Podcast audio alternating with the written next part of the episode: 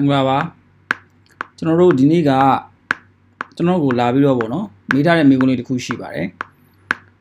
သူရေးထားတာလေးကတော့သူကဗောနော်အသက်16နှစ်ထဲကနေပြီးတော့ဝန်တန်းလုပ်ခဲ့တဲ့အခါကျတော့အဲအခုချိန်မှာဟလာဘာလောက်ကမှန်းမသိဘူးဖြစ်နေတယ်ဆိုတော့အဲ comment ရှိပါတယ်ပြီးတော့နောက်တစ်ခုကဈေးရောင်းတဲ့အခါမှာလည်းအခုချိန်မှာဆိုရင်ဘယ်လိုပစ္စည်းမျိုးလေးတွေကိုရောင်းတင်တယ်လဲဆိုတော့ မိကုန်းလေးကိုကျွန်တော်လာမေးထားတာဖြစ်ပါတယ်ဒါတော့ကျွန်တော်မေးတဲ့မိကုန်းကိုကျွန်တော်အပိုင်းလေးတွေခွဲလိုက်ရရင်ပထမဆုံးတစ်ခုကတော့ကျွန်မအသက်16နှစ်ထဲကအဲဒီဝန်ထမ်းမဲ့လုပ်ခဲ့တဲ့အခါကြတော့ဗောနော်အခုချိန်မှာကိုပေါ့သာကို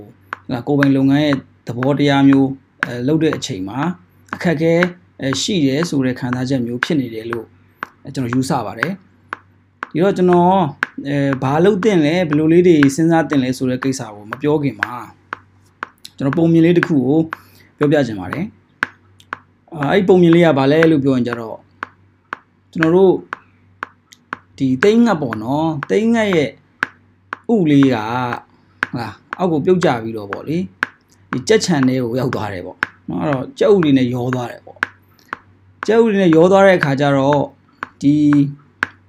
အကောင်ပေါက်လာတဲ့အခါမှာတိန်းငတ်လေးကသူ့ကိုယ်သူကြက်လို့ပဲထင်နေရအဲ့တော့မပြန်ရဲဘူးပေါ့နော်မပြန်ရဲဘူးတနေ့ကျတော့သူကဒီ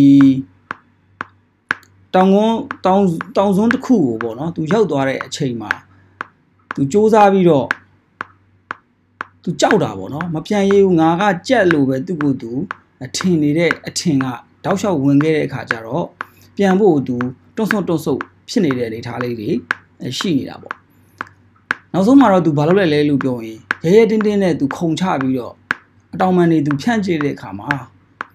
သူဒီသိငှက်ဖြစ်တဲ့အတွက်ကြောင့်မို့လို့သူ့မှာပါလာတဲ့တဘာဝပေးထားတဲ့စွမ်းအင်တွေနဲ့သူဒီပြန်တန်းနိုင်တာကို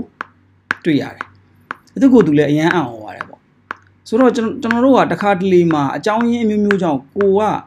ကိုရောက်နေတဲ့နေရာပေါ့နော်။အဲ့ဒါဒီကျွန်တော်တို့ကို define လုပ်လို့မရဘူး။ကျွန်တော်တို့ဘယ်သူဘာလဲဆိုတဲ့ဟာကို define လုပ်လို့မရပါဘူး။အဲ့တော့ကျွန်တော်ဒီမှာအကြံပေးချင်တာတော့ဗာလဲလို့ပြောရင်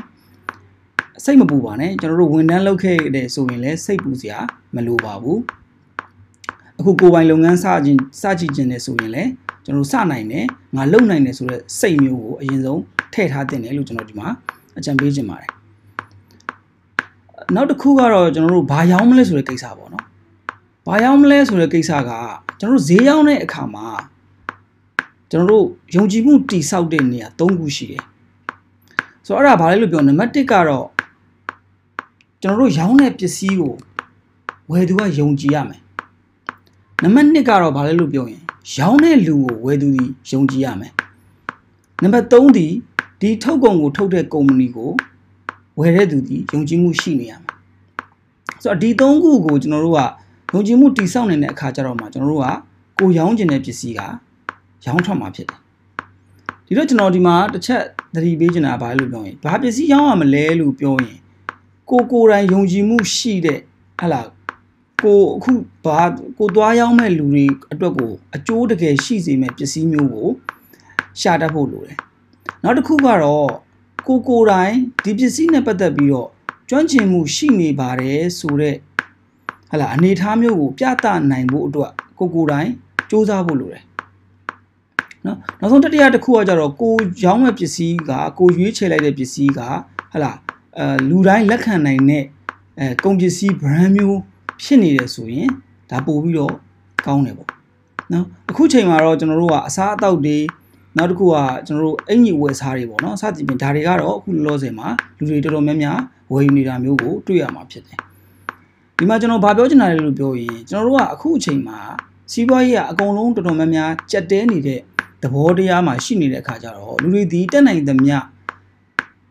basis ပေါ့နော်သူ့ရဲ့ basis need ကိုဖြည့်ဖို့လိုအပ်တဲ့ဟာမျိုးတွေကိုပို့ပြီးတော့စဉ်းစားတာမျိုးလေးတွေရှိတယ်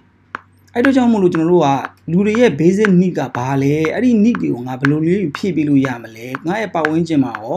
ငါမှာလုံလောက်တဲ့ resource တွေ ဘာတွေရှိသလဲဆိုတဲ့ကိစ္စကိုကျွန်တော်တို့ကစဉ်းစားပြီးသွားတဲ့အခါကြာတော့မှသာလျင်ဘာရောင်းမလဲဆိုတော့ကိုဆုံးဖြတ်တာဒီ